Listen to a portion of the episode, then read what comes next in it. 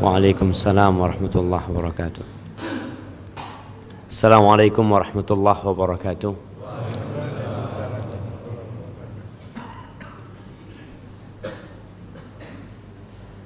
Alhamdulillahi Rabbil Alamin Segala puji bagi Allah Rabbul Alamin Dialah Rabbi wa Rabbukum Wa Rabbu awwalin Allah itu pencipta kita Allah itu pemilik kita Allah itu pengurus kita. Allah itu maha kuasa atas segala sesuatu. Sehingga kalau kita melihat doa-doa para nabi sering kali dimulai dengan Robbi habli minas salihin. Doa-doa orang-orang yang soleh. Rabbana atina fid dunya hasanah.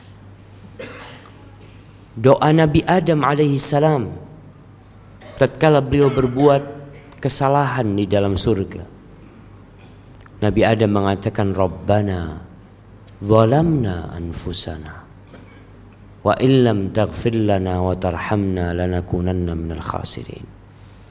Karena sejatinya ketika seorang mengatakan Robbi itu salah satu pengakuan dia. Kalau dia nggak punya apa-apa. Dan dia bukan siapa-siapa. Sehingga kita melihat sayyidul istighfar istighfar yang paling mulia itu ketika seorang mengatakan Allahumma anta rabbi ya Allah engkau Rabbku ya Allah la ilaha illa anta khalaqtani wa ana abdu. Aku ini hambamu ya. Pengakuan ini menjadikan itu doa sayyidul istighfar.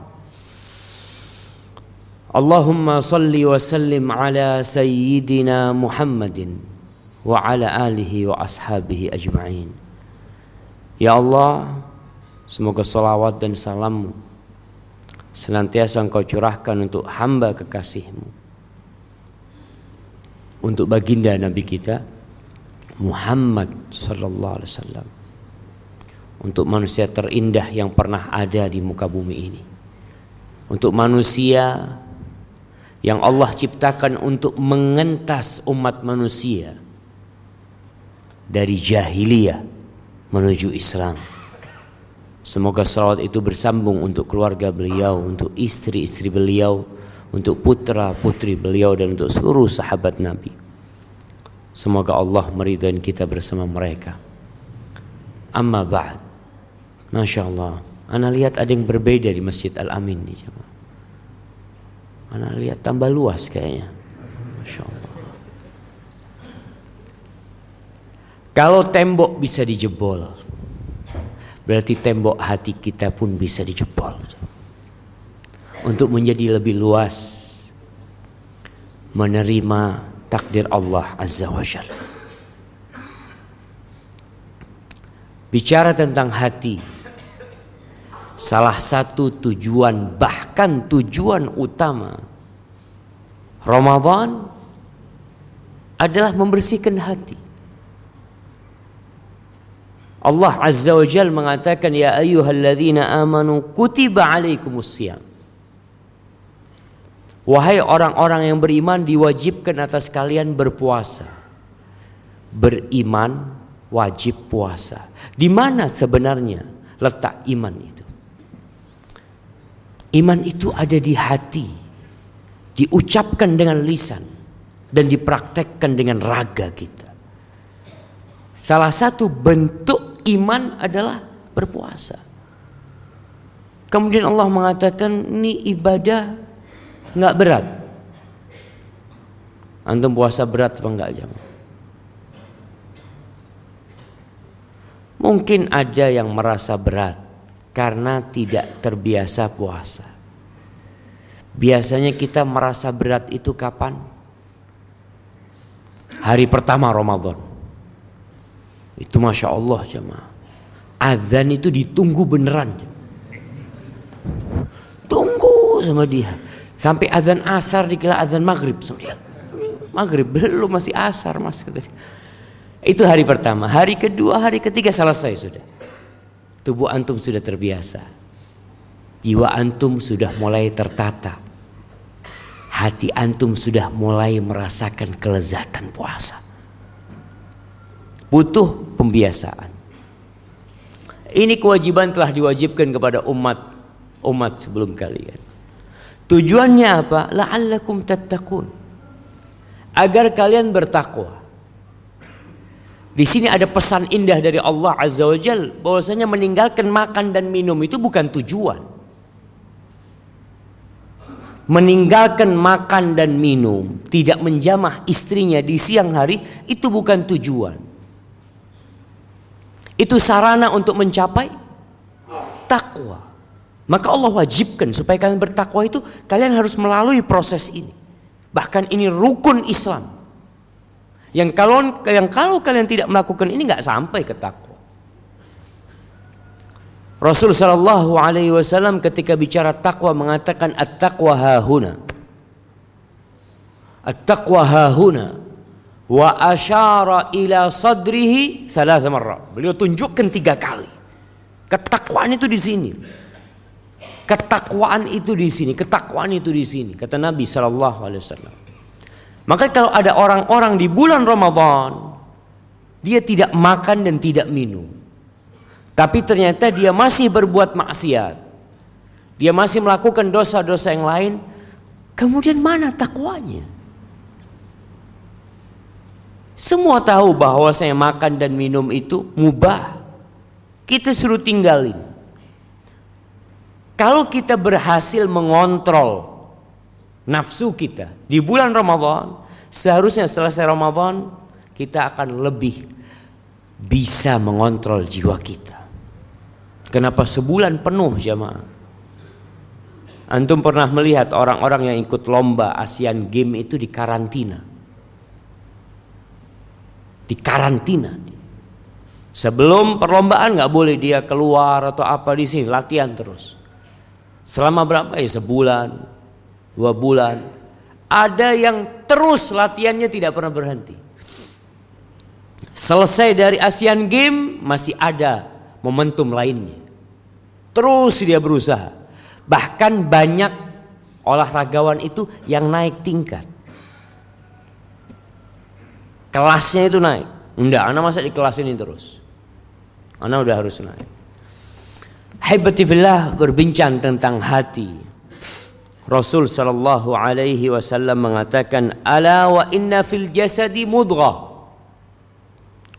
Beliau mengatakan bahwa dalam diri dalam tubuh setiap manusia itu ada mudghah. Ada segumpal daging. Ada satu organ di tubuh manusia. Idza salah, idza saluhat, saluhal jasadu kullu. Kalau organ ini baik, bahasa Jawanya waras. Betul ya, Ma? Orang berpikir kalau waras itu gila. Enggak. Bahasa Maduranya apa, cuma? Beres. Bahasa Bahasa Indonesia-nya beres. Kalau ini beres urusannya sehat, tidak penyakitan, seluruh tubuhnya sehat. Wa idza fasadat kalau rusak organ ini rusak fasadal fasadal jasadu kullu. Tubuhnya semuanya rusak. Apa organ itu? Ada wahyal qalbu. Itu adalah kalbu yang secara anatomi tubuh manusia apa al kalbu itu? Jantung. Maka kalau kita lihat subhanallah urusan jantung ini urusan yang berat yang sering kena penyakit jantung itu laki apa perempuan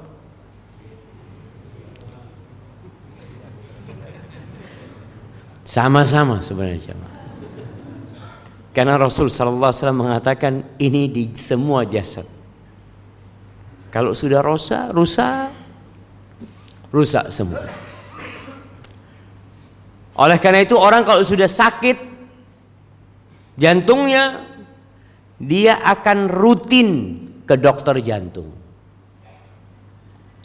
Setelah sampai ke dokter jantung dia harus daftar dulu. Kemudian dia menoleh ke belakang, uh ternyata banyak yang sakit jantung. Sejatinya kita semua sedang sakit jantung. Ada penyakit di hati kita. Maka ya Rasul sallallahu alaihi wasallam beliau memberikan permisalan tentang jantung manusia yang sering disebut sama ulama adalah hati.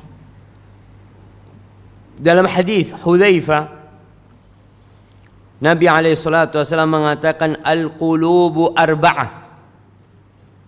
Hati itu empat macam. Dalam riwayat lain al-qalbu qalban, dua macam. Ini hadis menjelaskan menguraikan lebih jelas lagi. Supaya kita tahu sekarang antum nih, ana sama antum sekarang masuk yang mana hatinya.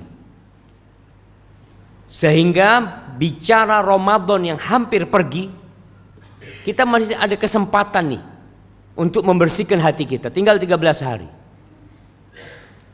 Iya. 13, 12, 12 ya.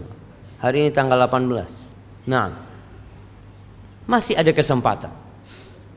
Kadangkala di akhir-akhir waktu itu ternyata lebih baik dari awal waktu. Semoga Allah mengampuni dosa-dosa kita. Sebagian kita baca Qur'annya mulai kendur. Alhamdulillah Ustaz, anak sudah hatam Ustaz. Berapa kali? Ya, sekali Ustaz. Alhamdulillah. Terus ini selesai Ramadannya? Belum Pak Ustaz. Cuma saya sibuk jualan. Sibuk bekerja. Soalnya 10 hari terakhir ini perpekan Ustaz. Antum tahu perpekan jamaah. Ini rame-ramenya pasar Ustaz. Jadi saya semangatnya di awal.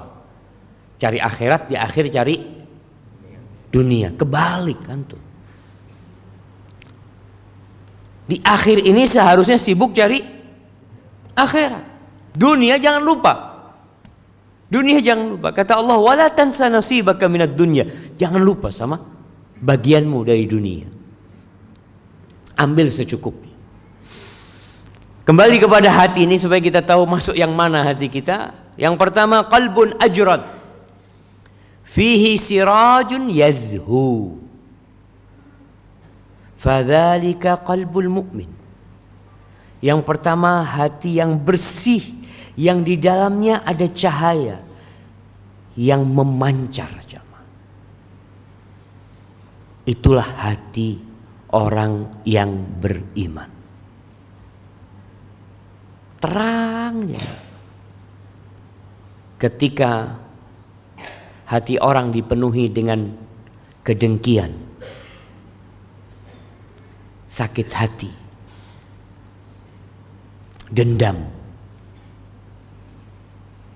syirik, ketergantungan kepada selain Allah Azza wa Jal, ni mukmin bersih bercahaya hatinya. Yang kita tahu Allah itu tidak melihat kepada rupa kalian. Kalau rupa jamaah Masya Allah. Antum bisa lihat nih. Macam-macam manusia. Ada yang rupanya kayak orang jahat. Kelihatan, enggak ini saat orang baik Ustaz, cuma wajahnya memang kayak gitu. Kita kadang seperti itu coba. Ada orang memang yang kaku orangnya.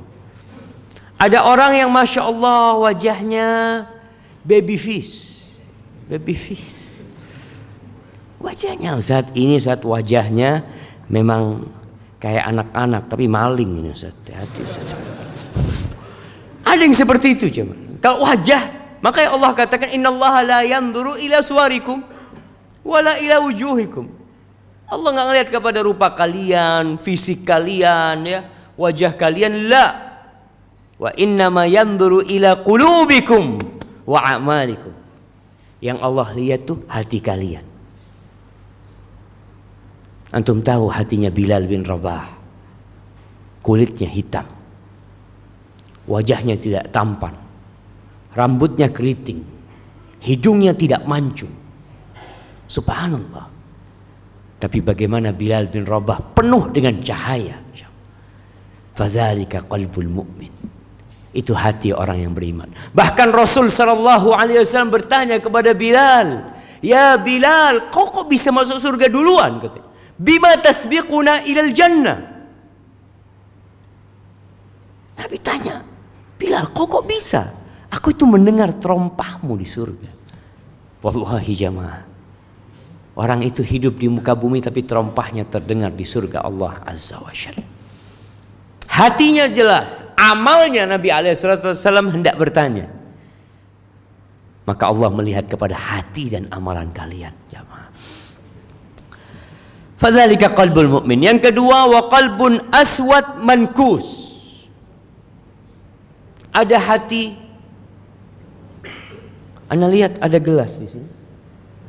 Iya, bisa minta gelas sama. Jazakallah khair.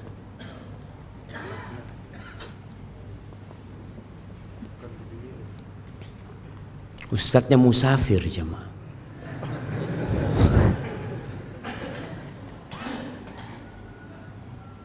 Masya Allah banyak gelas air di situ. Bingung mau cari yang merek apa?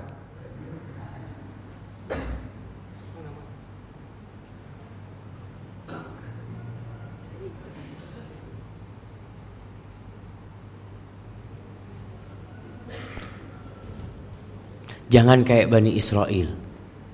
Gelas yang apa Ustaz? Gelas apa aja sudah. Jangan usah musyawarah di dalam cari gelas model apa ini itu. Lama banget. Kok nggak ada airnya? Masya Allah. Enggak, enggak, udah, udah, udah. Selesai sudah. Kata Rasulullah SAW, ada hati yang hitam. Mankus. Terbalik. Antum kalau terbalik gini jamaah, mau dikasih apa nih hati? Siapa yang antum akan panggil untuk ngasih nasihat? Siapa yang antum panggil untuk menuangkan air di sini? Bisa antum tuangkan air, anak kasih duit satu juta. Buku ini buat antum semuanya. Siapa yang bisa jamaah? Ada.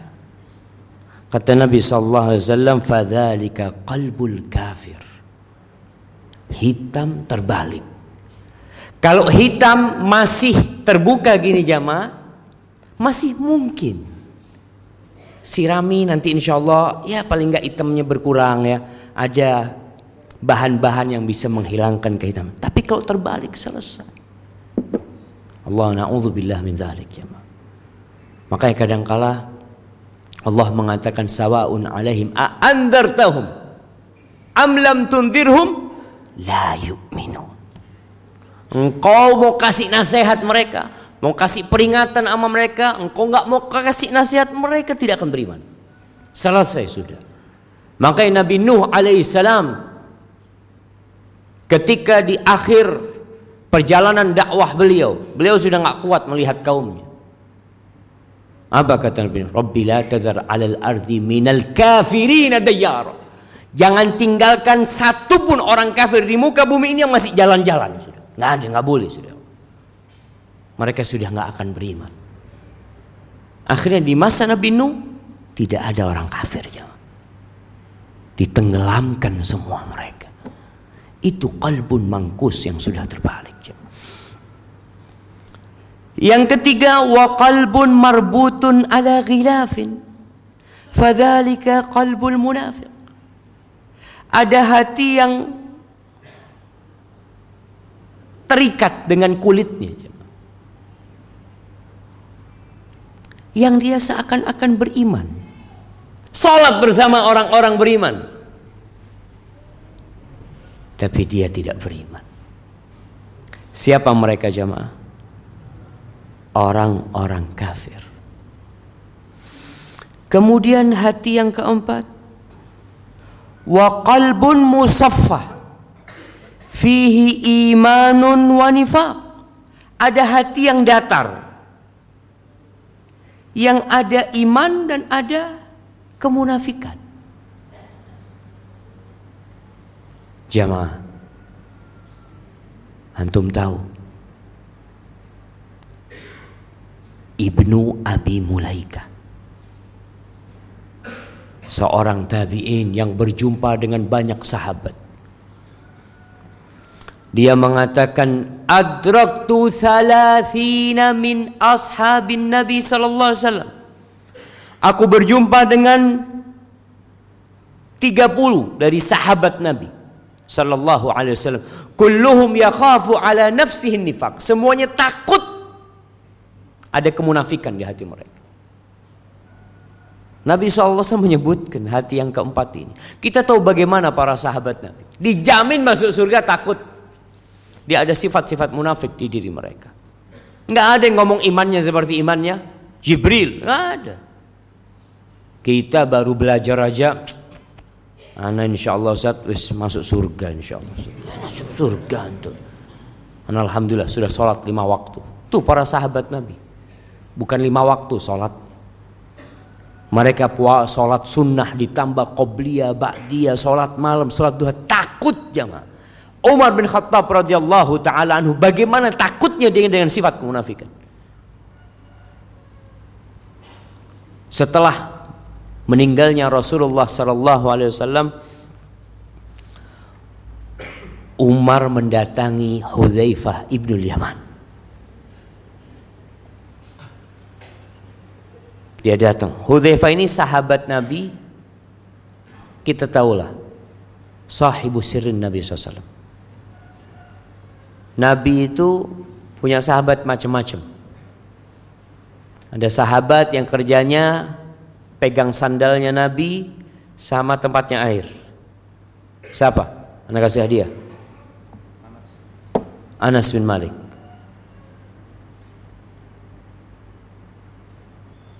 Siapa jemaah? Ibn Abbas. Siapa lagi? Siapa? Ibnu Umar. Semua sahabat disebutkan sampai ketemu nanti.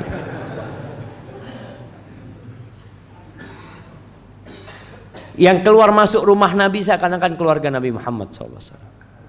Ibnu Mas'ud. Masya Allah. Abdullah bin Mas'ud radhiyallahu taala anhu.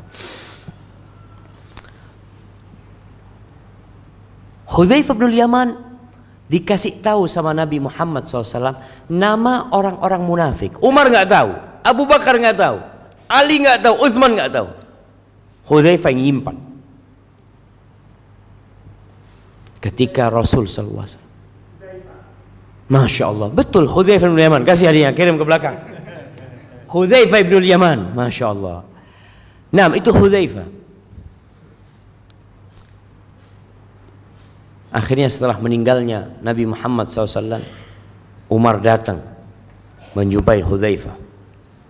Dia mengatakan anshuduka billah. Hudzaifah, aku minta kepadamu dengan nama Allah. Asammani Rasulullah sallallahu Rasulullah sallallahu alaihi wasallam min haula. Apakah Nabi sallallahu alaihi menyebut namaku termasuk orang-orang munafik? Itu Umar jamaah. Apalagi orang kayak kita jamaah. Allahu Akbar. Maka kemudian disebutkan oleh Nabi Alaihissalam tentang hati yang keempat ini yang musaffah, yang datar, yang ada iman, ada kemunafikan. Famathalul iman fihi kamathalil baqlah yamudduhal ma'at tayyib. Permisalan iman di situ seperti tumbuhan. Ya ada pohon lah, ada sayuran, yang tumbuh di sana yang disiramin sama air terus. Wa mathalul nifaq fihi kamathalil qarha yamudduhal qaih wasadid. Permisalan kemunafikan di hati ini seperti borok. Antum lihat borok.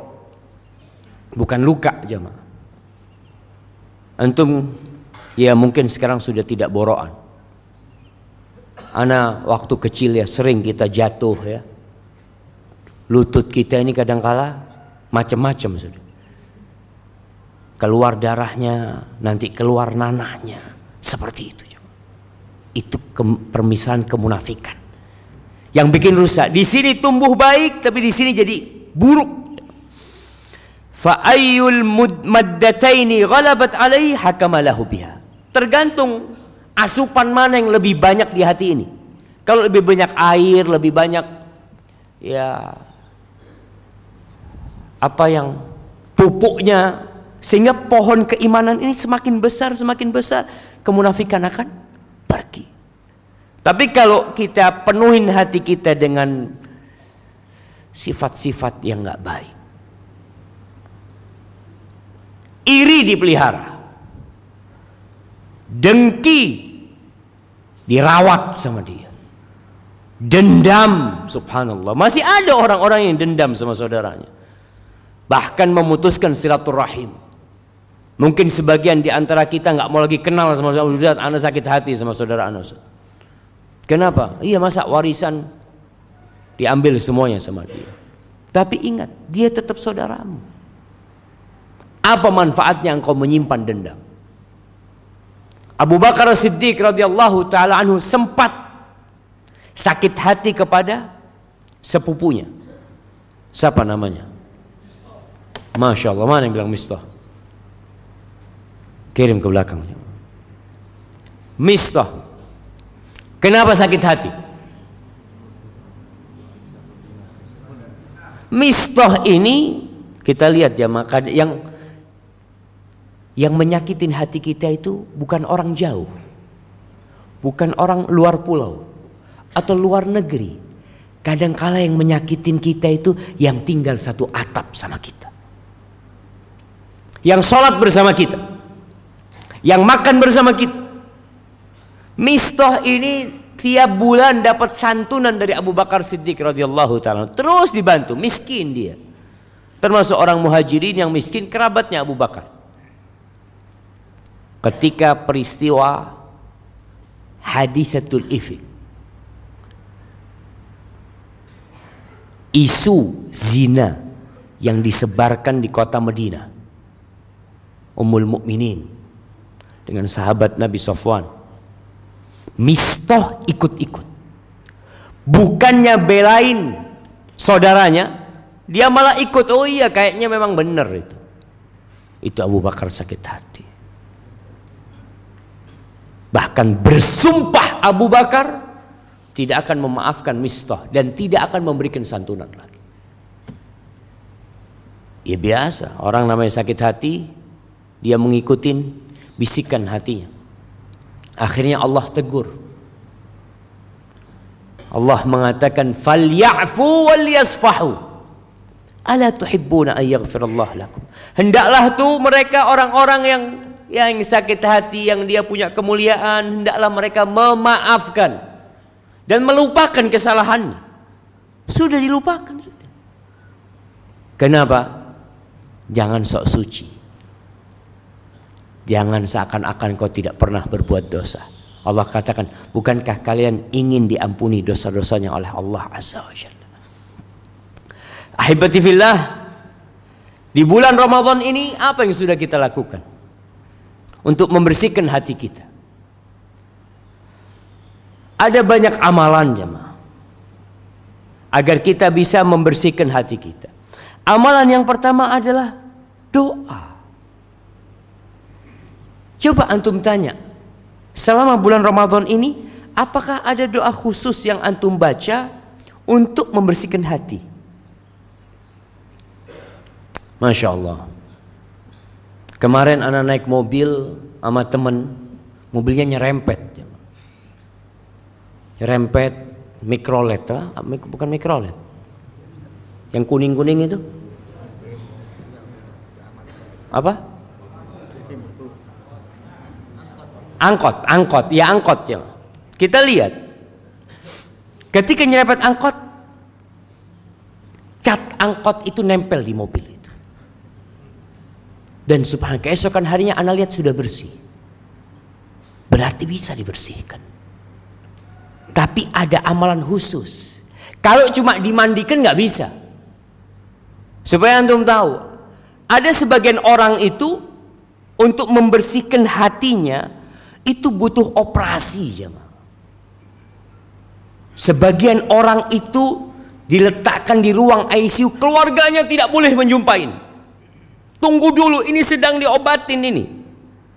Datang obat ini, obat itu macam-macam agar orang ini sembuh. Artinya kita pun perlu tahu apa amalan agar hati kita bersih. Coba anak doa baca doa apa nah ya? Karena Allah mengatakan ud'uni astajib lakum. Kalian mintalah kepada aku, pasti aku kabulkan. Rasul sallallahu alaihi wasallam senantiasa berdoa. Ya doa yang kita hafalah ya muqallibal qulub thabbit qalbi ala dinik. Nah, ini sebagai bentuk kita tahu yang bisa membersihkan hati kita, yang menetapkan hati kita di atas kebenaran itu cuma Engkau ya Allah. Engkau pemilik hati ini. Engkau yang menciptakan hati ini. Doa Nabi sallallahu alaihi wasallam. Allahumma ati nafsi taqwaha. Ya Allah berikan kepada jiwaku ketakwaan. Apa hubungan jiwa dengan hati? Ternyata jiwa ini termasuk yang menguasai hati jamaah. Kalau penguasanya benar, insya Allah hatinya jadi benar. Maka Nabi SAW mengatakan Allahumma ati nafsi taqwa Berikan kepada jiwaku ketakwaannya Karena jiwa ini lebih sering menyuruh kepada keburukan jemaah. Ya proses bagaimana kita menata jiwa kita ini supaya jadi penguasa yang baik Kadangkala di sebuah perusahaan kacau yang diganti siapa? Direkturnya ganti. Ganti-ganti direkturnya. Nggak benar ini. Kok tahu nggak benar? Iya anak buahnya nggak benar. Kalau bosnya benar, insya Allah anak buahnya benar. Kadangkala diganti. Maka Rasul Shallallahu Alaihi Wasallam menyuruh kita meminta kepada Allah agar hati kita, agar jiwa kita ini dikasih ketakwaannya dan Ramadan untuk mencapai takwa la'allakum tattaqun. Allah mengatakan tentang jiwa kita apa kata Allah? Innan nafsa la ammaratum bisu. Jiwa itu benar-benar menyuruh kepada kejahatan. Sekarang kita lihat. Setannya udah dibelenggu. Antum mau cari setan ke mana kok nggak ada ya? Nah, Setannya dibelenggu, tapi ada manusia-manusia yang menjadi setan. Syayatinul insi wal jin. Ada setan dari bangsa manusia dan dari bangsa jin. Di surat An-Nas apa doa kita?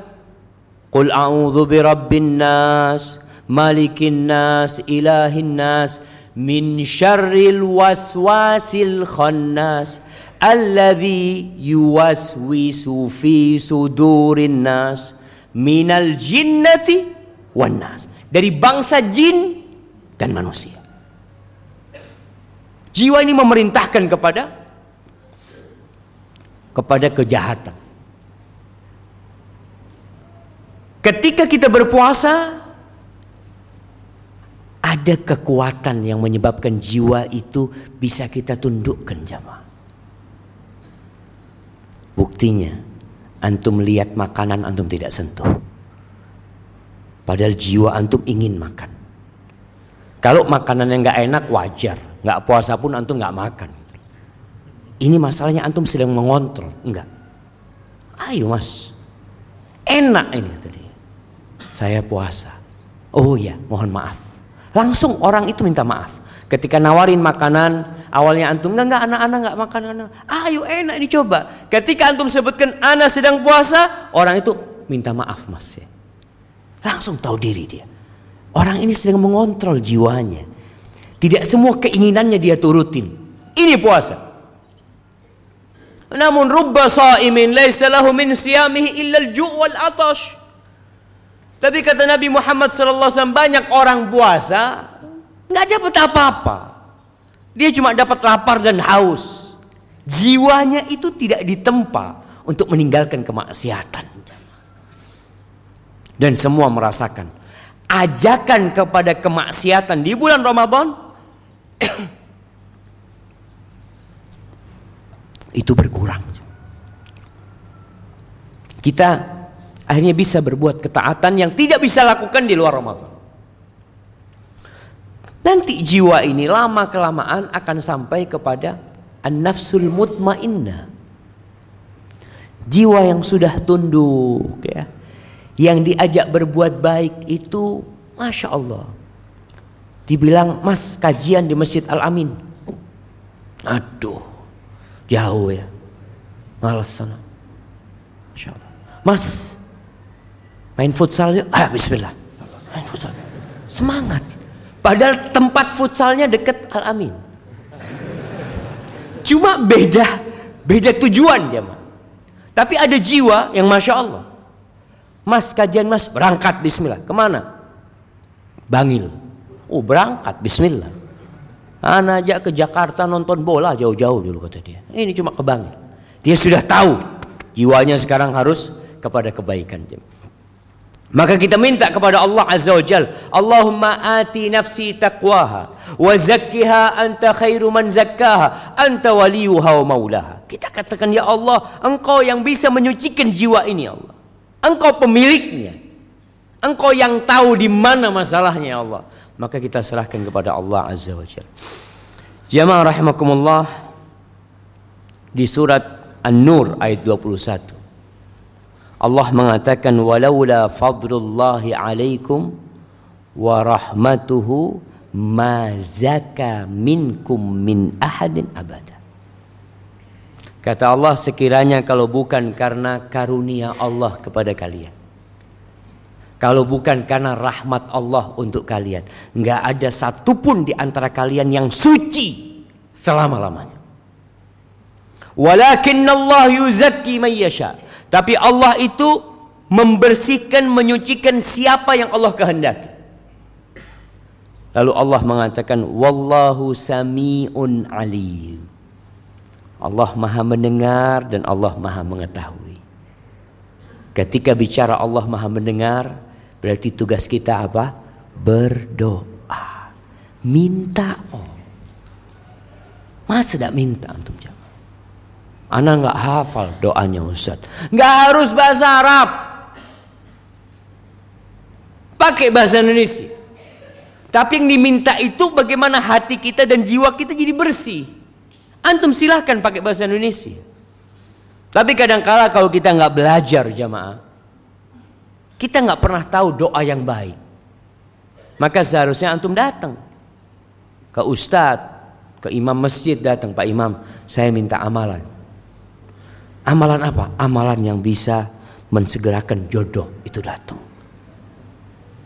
Yang ditanya orang kalau nggak jodoh apa? Rizki. Hati jarang yang minta. Minta amalan khusus hati Ustaz, hati anak keras Ustaz. Apa amalannya Pak Ustaz? Kenapa orang tidak minta hatinya bersih? Karena dia merasa sudah bersih.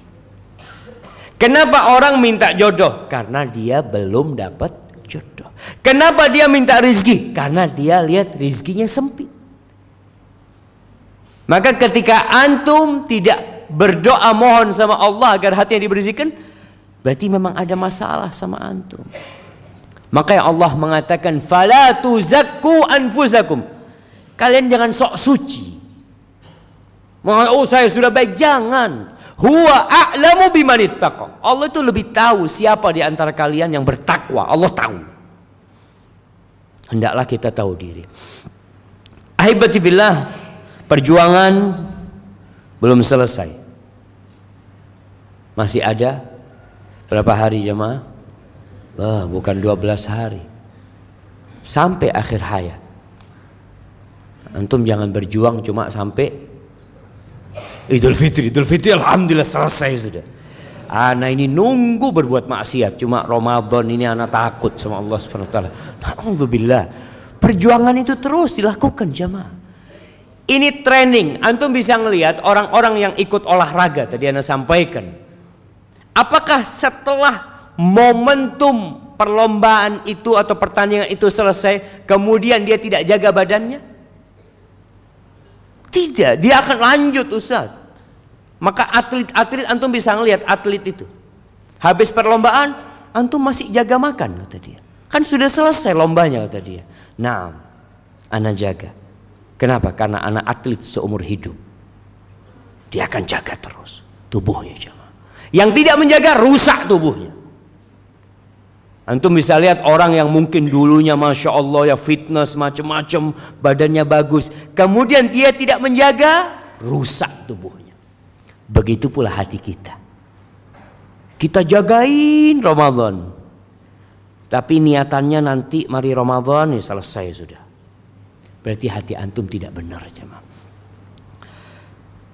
Apa yang harus kita kerjakan?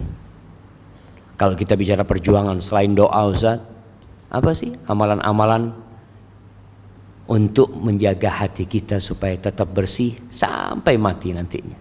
Karena pada hari kiamat itu Allah mengatakan yauma la yanfa'u malun wala banun. Pada hati tidak berguna harta kalian. Kita di dunia berjuang cari harta, terus berusaha. Berjuang untuk dapat anak. Nikah, nggak punya anak ganti istri. Ibu-ibu, masya Allah. Tenang ibu-ibu. Ada yang seperti itu. Dia cari anak. Terus. Allah katakan pada hari itu tidak berguna harta antum, anak antum, illa man atallaha biqalbin salim. Kecuali orang yang datang menjumpai Allah dengan hati yang selamat jemaah. Karena sejatinya pada hari kiamat kita akan dibangkitkan dalam kondisi telanjang. Baju nggak dipakai. Hufat sandal antum nggak pakai gurlan dalam kondisi belum disunat. Buhman. Nggak bawa apa-apa. Semua ke masjid kita lihat. Antum bawa baju. Bawa sarung bawa celana. Antum pakai alas kaki. Hartanya antum bawa. Kenapa antum bawa harta? Bawa dompet. Takut Ustadz nanti ada keperluan antum bawa antum pakai kendaraan tapi pada hari kiamat selesai semua jam antum bawa anaknya anaknya bisa disuruh buat Ya nyetir mobil kayak, antum duduk istirahat. Ada manfaatnya antum merasakan di dunia. Tapi pada hari itu nggak ada coba. Illa kecuali orang yang datang menjumpai Allah dengan hati yang selamat. Karena pada hari kiamat itu Allah mengatakan yauma yafirrul mar'u min akhi. Dari saudaranya dia lari. Wa ummihi wa abih wa sahibatihi wa bani. Dari orang tuanya nggak peduli dia kabur. Istrinya, teman tidur dia, teman makan dia, teman haji dia, teman umroh dia, teman sholat malam dia. Pada hari itu nggak mau kenal dia sama istrinya. Anak dia yang bertahun-tahun dia didik, dia berdoa minta anak, dia tinggal anaknya pada hari itu jemaah. Illa man atallaha biqalbin salim, hati yang selamat. Maka usaha yang pertama untuk membersihkan hati ini tinggalkan segala ketergantungan kepada selain Allah Azza wa Jal. Tinggalkan kesyirikan. Syirik ini penyakit hati yang paling besar. Allah tidak akan ampuni dosa syirik itu. Maka Imam Ibnul Qayyim rahimahullahu taala mengatakan fa aslu ma tazku bihil qulub wal arwah huwa tauhid. Beliau mengatakan pokok yang dengannya hati dan jiwa itu akan bersih adalah dengan tauhid. Antum lihat bertahun-tahun Rasulullah Sallallahu Alaihi Wasallam dakwah di kota Mekah kepada apa? Tauhid. para nabi sebelum nabi kita Muhammad sallallahu alaihi wasallam. Walaqad ba'atsna fi kulli ummatin rasulan an i'budullah wajtanibut taghut. Kami telah mengutus para utusan Allah sebelummu itu yang kami wahyukan kepada mereka adalah beribadalah kepada Allah dan jauhi sembahan-sembahan selain Allah, tauhid-tauhid jauhin semua itu. Maka antum koreksi. Masih ada saudara-saudara kita yang mungkin pakai jimat. Yang mungkin cari pesugihan. Yang mungkin cari keselamatan ingin selamat rumahnya ya dikasih macam-macam ingin selamat jalannya alhamdulillah ana bersyukur sekarang ritual-ritual kesyirikan itu sebenarnya sudah berkurang jemaah tapi ada usaha untuk mengembalikan hal itu dibungkus dengan bungkus kearifan lokal ana sering sampaikan kearifan lokal harus dilestarikan. Pegang ucapan anak. Kearifan lokal harus dilestarikan. Tapi kemungkaran lokal harus dihilangkan. Ada yang arif, ada yang mungkar. Terus ukurannya apa? Kita muslim. Ukurannya syariat. Kita mengatakan ini arif Pak Ustadz. Oh, tuh lihat dulu Al-Qurannya. Bagaimana Rasul SAW? Jadi apa yang terjadi di budaya kita itu nggak apa-apa kita lestarikan selama itu arif sesuai dengan syariat. Tapi kalau mungkar tinggalkan. Rasul Shallallahu Alaihi Wasallam meninggalkan kemungkaran-kemungkaran lokal yang ada di kota Mekah. Ada seorang sahabat mau bernadar untuk potong potong hewan ternak potong onta atau kambing di sebuah tempat. Apa kata Nabi SAW? Apakah di tempat itu biasa diadakan tradisi orang-orang jahiliyah? Iya. Kalau enggak, enggak apa-apa. Tapi kalau ternyata itu tempat tradisi jahiliyah, enggak ada sudah. Enggak boleh lagi dilakukan itu.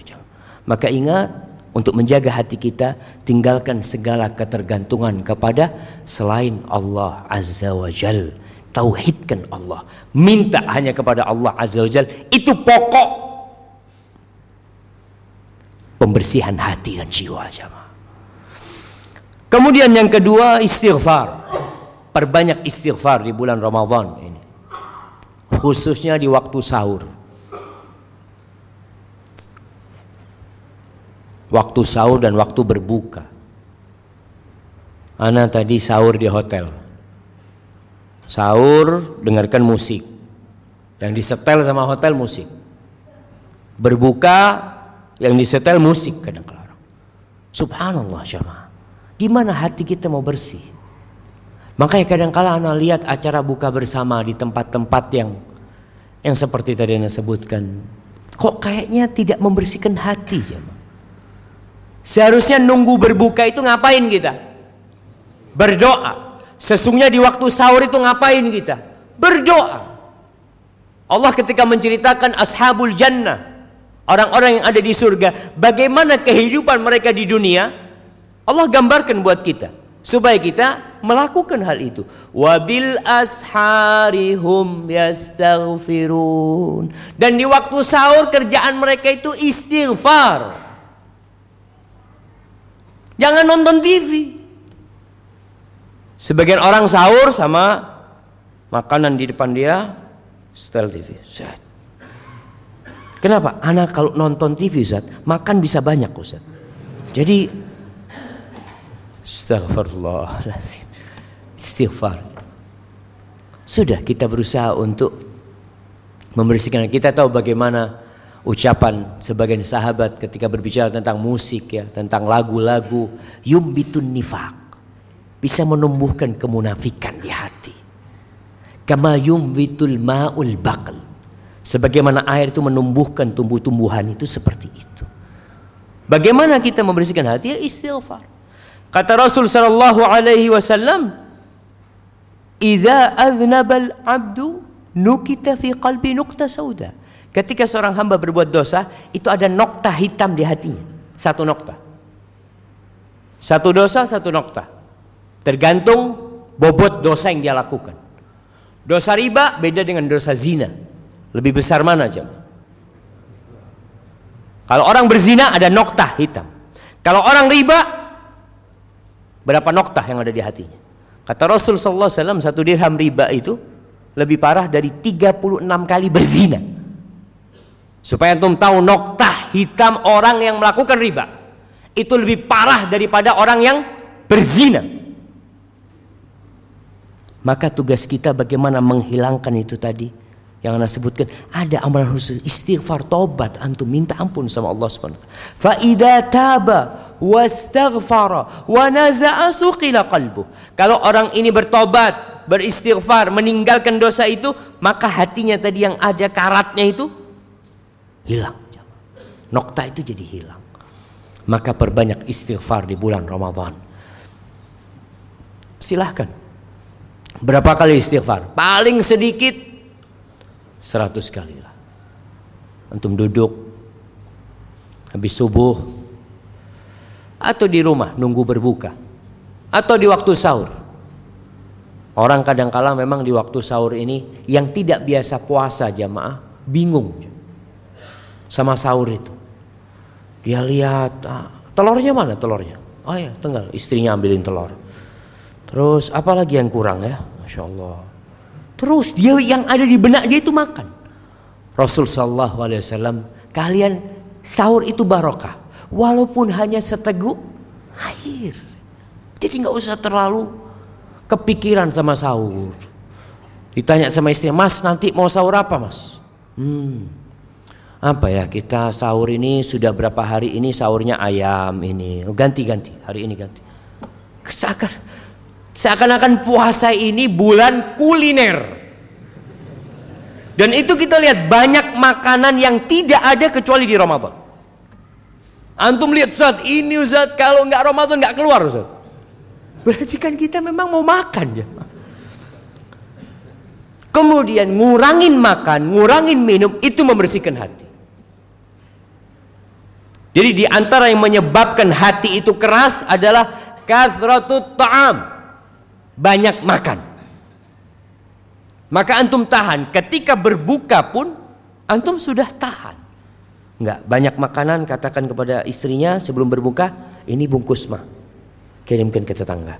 Yang ini bungkus, yang ini bungkus selesai. Apa? Kurma sama air. Alhamdulillah. Kita itu kadang-kala terfitnah dengan mata aja. Habis asar keluar keliling, lihat kolok kolok, aduh kolok, bismillah berhenti kalau taruh di mobilnya di motornya. Lagi ada oh masya Allah ini. Apem. Ash masuk lagi. Nanti jalan lagi. Oh nogosari nogosari. Bismillah. Sampai rumah itu dia lihat ya Allah ini yang mau makan ini? Tadi. Bagikan ke tetangga. Mulai antum bagi. Masya Allah.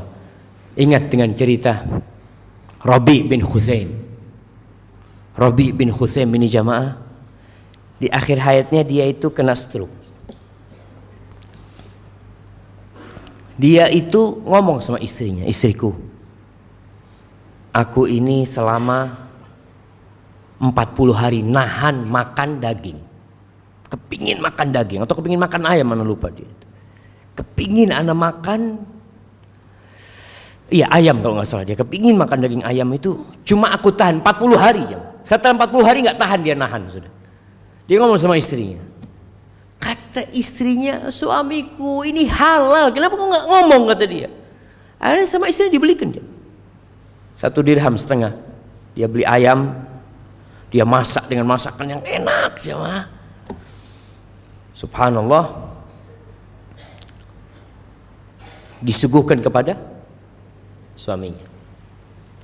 Suaminya mau makan dengar suara di pintu. Al ajra rahimakumullah. Itu ucapan orang kalau minta-minta jamaah. Pengemis di sana. Pahala buat kalian semoga Allah merahmati kalian. Ini Robi mau makan nggak jadi jamaah. Ngomong sama istrinya. Istriku. kasihkan ke sana.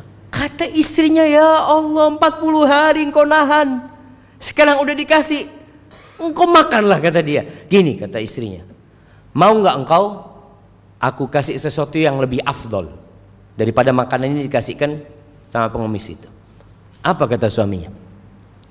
Harga ayam ini, harga makanan semua sama bumbunya ini semuanya kita kasihkan ke pengemis itu. Itu lebih utama kata dia. Dia bisa beli yang dia Suka kata dia. Kata Robi, benar kau. Mana-mana kata dia. Kasihkan kata dia.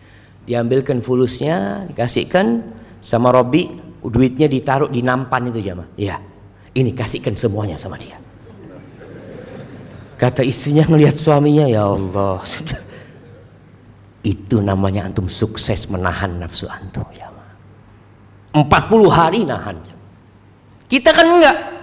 Setiap ingin beli, Kepingin apa?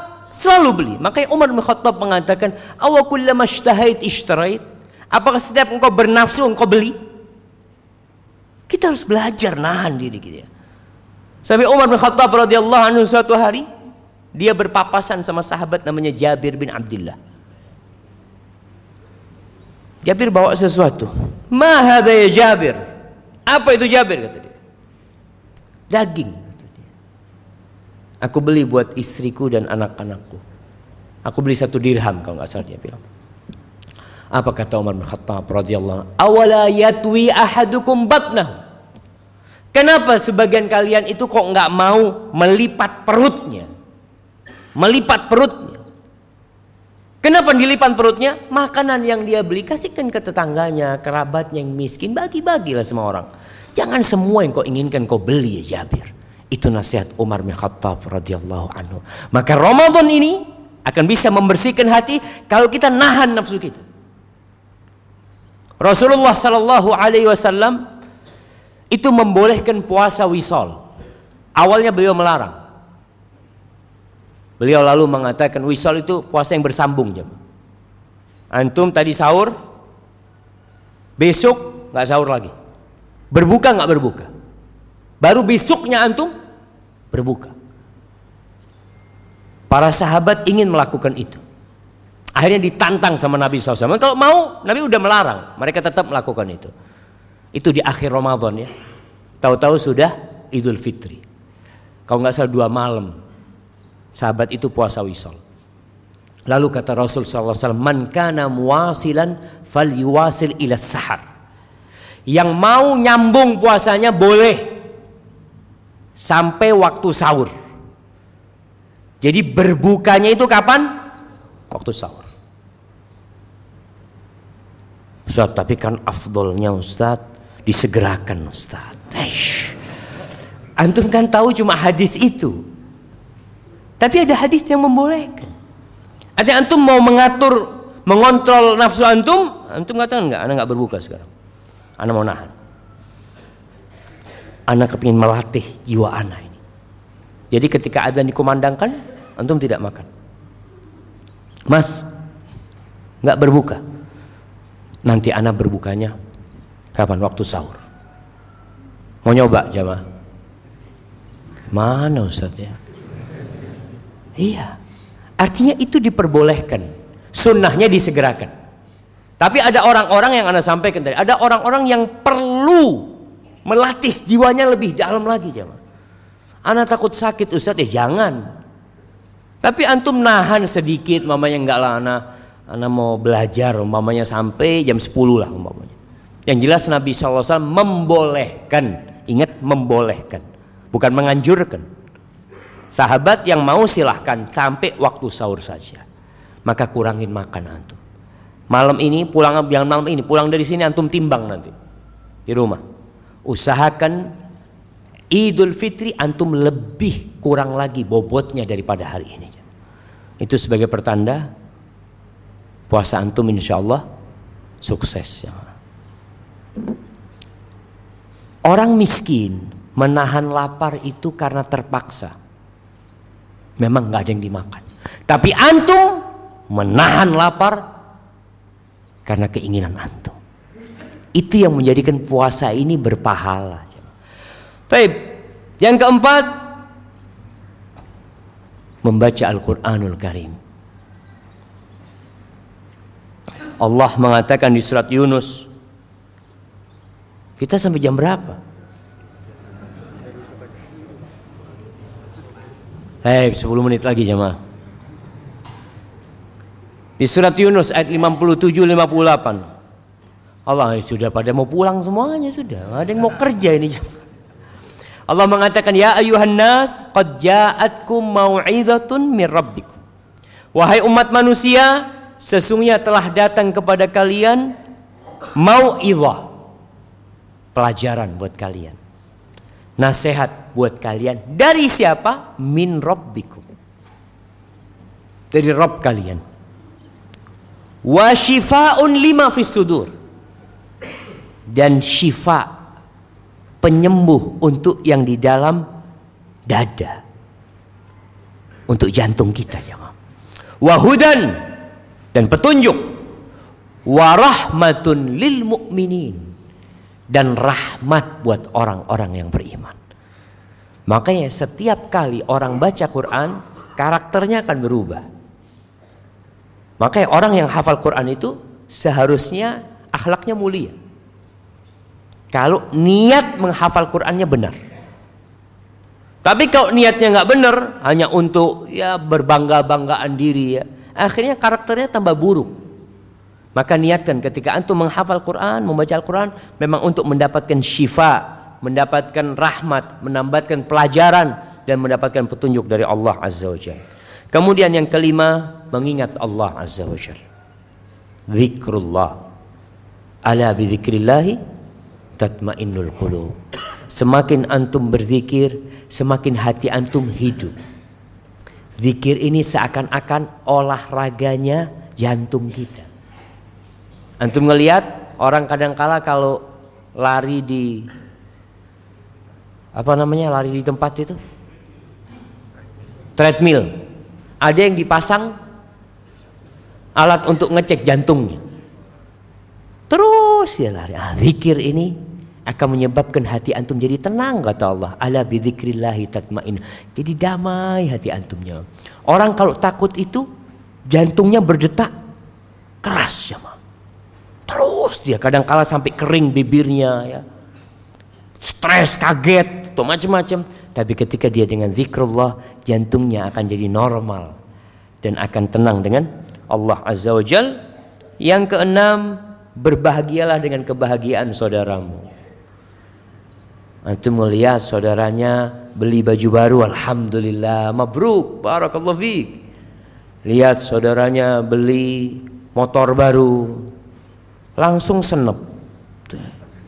Antum kredit di mana ini? Saya kredit kontan mas tambah sakit hati antum tuh kontan antum berbahagia dengan kebahagiaan saudara jadi kalau saudaranya itu dapat sesuatu yang indah antum bahagia ini juga membersihkan hati jamaah kadang kala kita itu iri jamaah melihat orang masya Allah.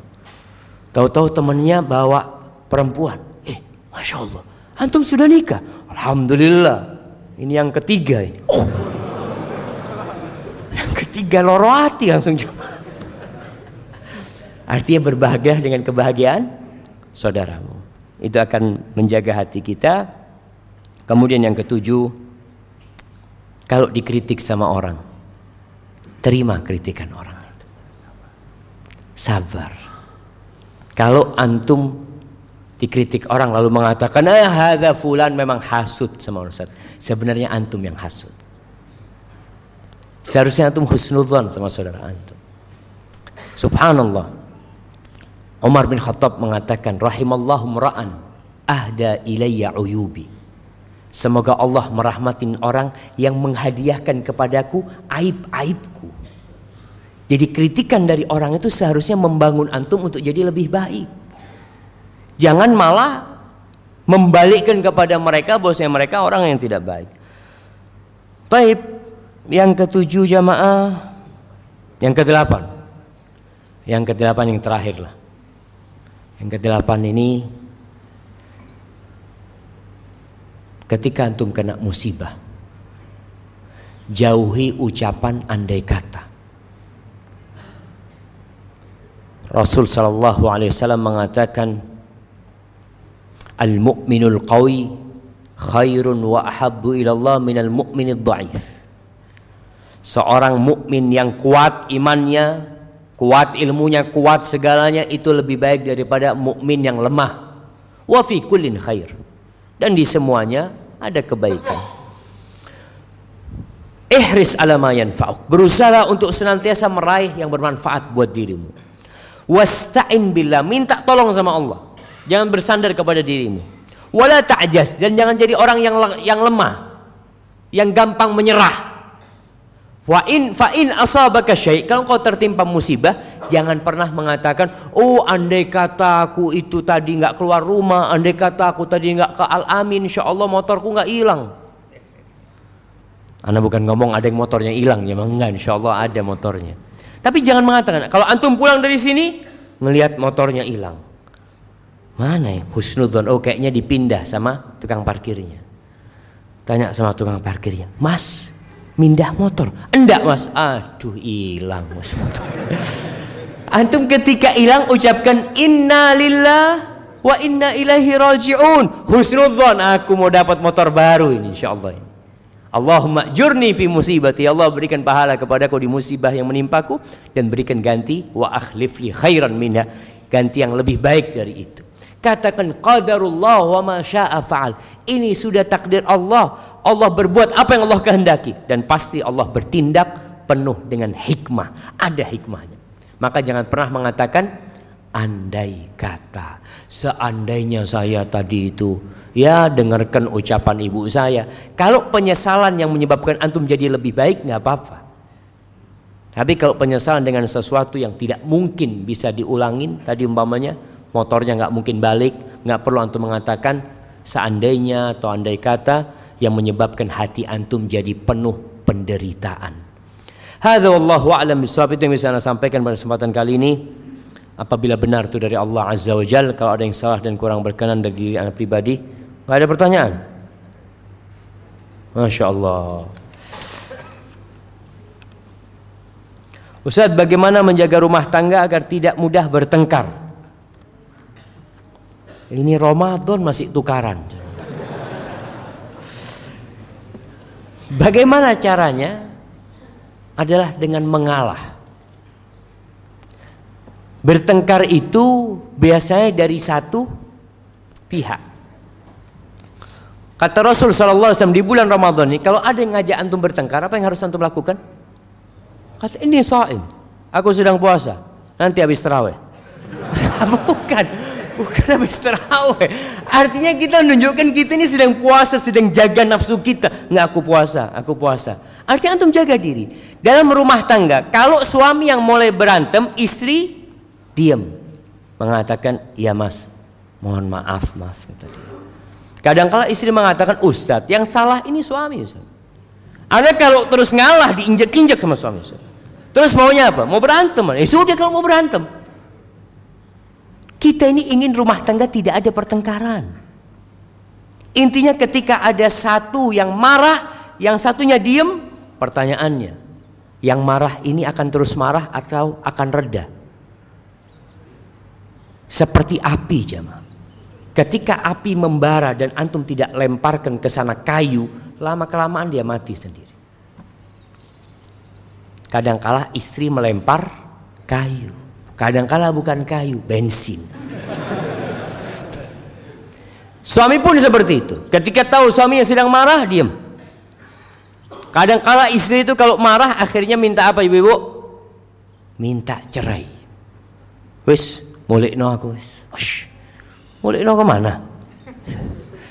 Sudah. Ketika istri bilang seperti itu, antum dia nggak usah ditanggapin. Ustaz, kalau nggak ditanggapin tambah marah. Iya dia itu sedang memancing emosi suami. Diam aja terus. Ya nggak sabar anak lu. Kan puasa melatih kita untuk bersabar. Sudah lama kelamaan datang kepada istrinya. Sudahlah istriku, aku minta maaf lah. Pegang tangannya. Duduk di sebelahnya. Dia mungkin menjauh ya. Antum deketin lagi. Dia menjauh, deketin lagi. Pokoknya antum sudah diam aja seperti itu. Nanti lama kelamaan dia bingung, ini orang mana? Kata dia. Ternyata suami dia. Suami pun seperti itu, istri pun seperti itu. Jadi subhanallah, Abu Darda itu telah memberikan memberikan solusi ini jamaah. Solusi yang mujarab ini dulu di masa sahabat Nabi. Sallallahu alaihi wasallam. Dia mengatakan kepada istrinya, "Wahai istriku, idza ghadibtu faraddini." Kalau aku marah, tolong kau bikin aku itu adem. Bikin aku adem. Enggak bicara siapa yang salah sekarang tidak, bicara siapa yang marah. Kalau bicara siapa yang salah, siapa yang benar, nggak akan pernah selesai rumah tangga itu. Karena semuanya merasa benar. Makanya sekarang yang ada itu kalau satu marah, satu berusaha meredam. Kata Bu Darda, kalau nggak seperti itu nggak akan lama kita berumah tangga. Karena di rumah tangga itu pasti ada gesekan, ada permasalahan. Bagaimana cara menguatkan iman agar tidak bolak-balik terus? Dia akan bolak-balik terus ya, naik turun terus. Kalau imannya naik terus, itu bukan manusia. Karena manusia itu mau tidak mau imannya naik turun. Tapi bagaimana sekarang ketika turun tidak sampai drop. Tidak sampai meninggalkan yang wajib. Kadangkala orang itu biasa sholat lima waktu. Kalau drop imannya, apa yang dia lakukan? Sholatnya telat-telat biasanya. Biasa sholat ke masjid jadi nggak ke masjid. Tapi kalau orang itu punya sholat sunnah, dia qobliyah baja. Ketika imannya turun, yang ditinggalkan yang mana? Yang sunnah. Dia jadi nggak qobliyah ba'diyah. Makanya amalan sunnah ini penting supaya kalau iman kita turun, yang kita tinggalkan itu yang sunnah, nggak sampai ke yang wajib jamaah. Semakin banyak umpamanya antum puasa Senin Kemis. Akhirnya iman antum drop, antum cuma puasa tiga hari dalam sebulan. Biasanya delapan hari jadi tiga hari. Berkurang gitu loh jamaah karena memang ya lagi imannya lagi turun dan perbanyak istighfar. Yang istighfar itu akan menaikkan kembali iman antum. Hadza wallahu a'lam.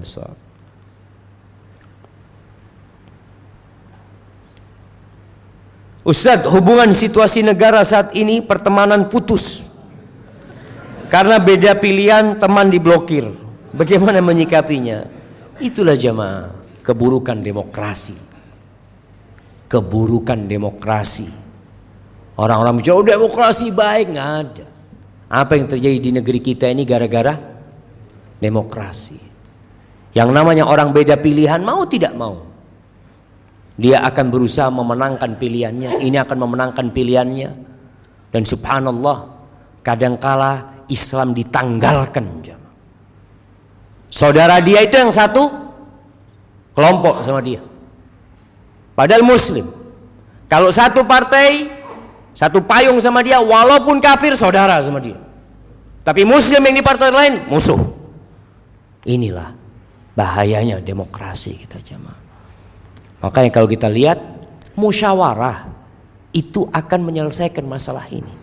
Jadi pemilihan pemimpin dalam Islam itu bisa dari pemimpin sebelumnya mengatakan nanti yang jadi pemimpin setelah aku fulan supaya nggak ribut atau musyawarah. Dan kita lihat negeri kita ini salah satu asasnya musyawarah, tapi nggak dipakai. Yang ada pilihan seperti itu, bahkan pilihan langsung dan berulang kali Anda sampaikan di beberapa kajian bagaimana kezoliman pemilu itu jamaah. Antum bisa lihat kalau ada seribu kiai dan seribu lima pelacur yang menang yang mana? Suaranya yang mana yang menang? Seribu lima pelacur ini Ustaz. Iya tetap demokrasi. Suara terbanyak jamaah. Dan kebanyakan manusia itu orang-orang buruk. Baca dalam Al-Qur'anul Karim. Orang baik selalu jumlahnya qalil. Maka yang menang itu bukan yang baik, yang buruk.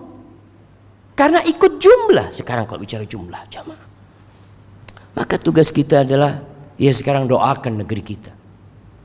Kita memohon kepada Allah Azza wa Jal agar menurunkan rahmatnya buat negeri kita dan membinasakan orang-orang yang zalim supaya mereka hilang dari negeri kita. Kita mohon sama Allah Azza wa Jalla. Barakallahu fikum. Nah, Ustaz bagaimana cara meneguhkan hati di atas sunnah di lingkungan sekolah yang tidak mendukung dan menghadapi guru yang anti sunnah? Jemaah Rasul Shallallahu Alaihi Wasallam itu hidup di lingkungan yang anti Islam, anti Islam. Bagaimana Nabi Wasallam dicaci maki, dibenci, dimusuhin, bahkan bukan hanya verbal, tapi sampai kepada fisik. Salah. Tapi apa yang dilakukan Nabi SAW selama di kota Mekah? Sabar. Sabar. Kalau dilihat nih orang sudah nggak mampu ini Ustaz. Ini orang semoga dimatikan sama Allah Azza wa Jalla. Boleh. Nabi SAW ketika mendapatkan penindasan dari Abu Jahal, Uqbah bin Abi Mu'aid, Umayyah bin Khalaf, Nabi angkat tangan sudah. Alaika bi Abi Jahal, ya Allah. Nih, musnahkan Abu Jahal. Matikan ini Umayyah bin Khalaf. Uqbah bin Abi Mu'aid. Syaibah. Sebutkan nama-namanya. Kenapa? Itu sudah tahu sudah memang keterlaluannya. Nabi SAW biasanya mendoakan kebaikan. Itu yang umum. Tapi kalau ada kondisi-kondisi tertentu yang memang tidak mungkin, orangnya kayaknya sudah harapannya susah, akhirnya minta supaya mereka dibinasakan. Dan mati semuanya. Akhirnya Abu Jahal mati, terbunuh waktu perang waktu perang Badar jamaah. Jadi antum sabar. Mereka itu membenci antum karena belum kenal. Tak kenal maka tak sayang. Dilihat muridnya pakai jenggot, oh teroris. Langsung. Dilihat azan ke masjid, oh Wahabi. Wahabi. Loh, jadi iya cingkrang dilihat, aduh akhirnya dikasih nilai kecil sama gurunya. Maka usahakan antum tetap menghormatin guru antum. Menghargai guru antum. Di sekolah antum tunjukkan akhlak yang mulia. Bikin satu sekolahan tahu kalau sunnah itu indah dan menyebarkan kedamaian. Sehingga antum jadi pendakwah di sekolah itu dalam kondisi antum tidak berbicara. Tapi dengan akhlak dan perilaku antum. Barakallahu fikum. Ustaz, apakah saya harus menjauhi teman yang sering membuat saya tertawa setiap hari? Tetapi setiap sholat saya sadar salah. Tapi balik lagi Ustaz. Nah, jemaah. Rasul SAW bergurau. Beliau bergurau. Para sahabat bergurau. Kadangkala para sahabat itu lempar-lemparan kulitnya semangka. Makan semangka, lempar ke sana jemaah. Gurau para sahabat Nabi. Tapi ketika panggilan jihad, hilang gurau mereka. Tapi jangan sampai kerjanya gurau terus. Akhirnya hati antum orang banyak tertawa bisa keras hatinya. Silahkan tertawa sedikit apalagi kalau guraunya sampai kepada dusta dan bohong jemaah. Jangan rasa cukup sudah jemaah. Hadza wallahu alam itu yang bisa anda sampaikan pada kesempatan kali ini. Baik, tadi kita bicarakan empat macam hati. Siapa yang mau nyebutkan? Nah, fadl.